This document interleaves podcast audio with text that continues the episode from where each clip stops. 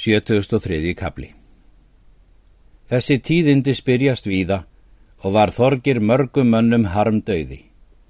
Þeir gissur kvíti og geir goði, riðu til og lístu vígonum og kvöttu búa til þings. Riðu þá vestur aftur. Þeir njáll og gunnar fundust og töluðu um bardagan. Þá mælti njáll til gunnars. Ver þú nú var um þig, Nú hefur þú vegið tvísar í henn sama knýrum. Hitt nú svo fyrir hag þínum að þar liggur við líf þitt ef þú heldur eigið þá sætt sem ger er. Hvergi ætla ég mér af að bregða, segir Gunnar, en þó mun ég þurfa liðsynni yðvart á þingi.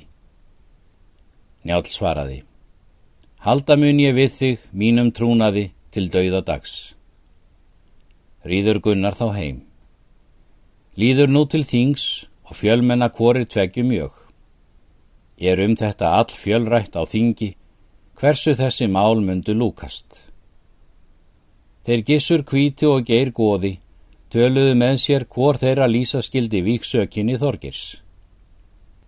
En þar kom að gissur tók undir sér málið og lísti sökað lögbergi og hvað svo að orði að ég lísi lögmætu frum hlaupi á hönd gunnar í hámundarsinni Um það er hann hljóp lögmætu frumhlaupi til Þorgirs Ótkelssonar og særði hann hólundarsári því er að ben gerðist, en Þorgir fekk bana af. Til hann eigað verða um sög þá sekan skóarmann, óælan, óferjanda, óráðanda, öllum bjargráðum. Til ég segt fyrir hans allt, hálft mér en hálft fjörðungsmönnum þeim er sektar fyrir eigað taka eftir hann að lögum. Lýsi ég til fjörðungsdóms, þess er sökin á í að koma að lögum. Lýsi ég löglýsing, lýsi ég í heyranda hljóði að lögbergi, lýsi ég nú til soknar í sumar og til sektar fullrar á hönd Gunnari hámundarsinni.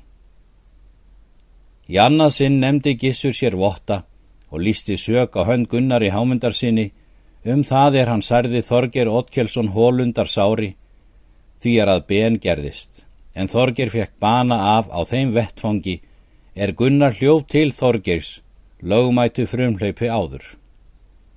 Síðan lísti hann þessi lýsing sem henni fyrri.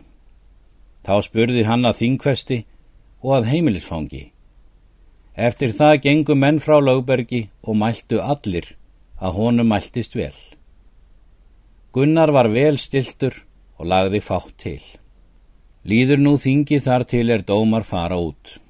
Gunnar stóð norðan að rángaengadómi og hans menn, en gissur hinn kvítir stóð sunnanað og hans menn nefndi sér votta og bauð Gunnari að hlýða til eðspjál síns og til framsögu sakar sinnar og til sóknar gagna, þeirra allra sem hann hugði fram að færa.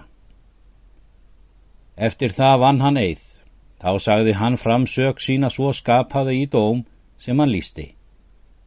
Þá let hann bera lýsingar vætti, þá bauð hann búum í setu og til rauningar um hviðin.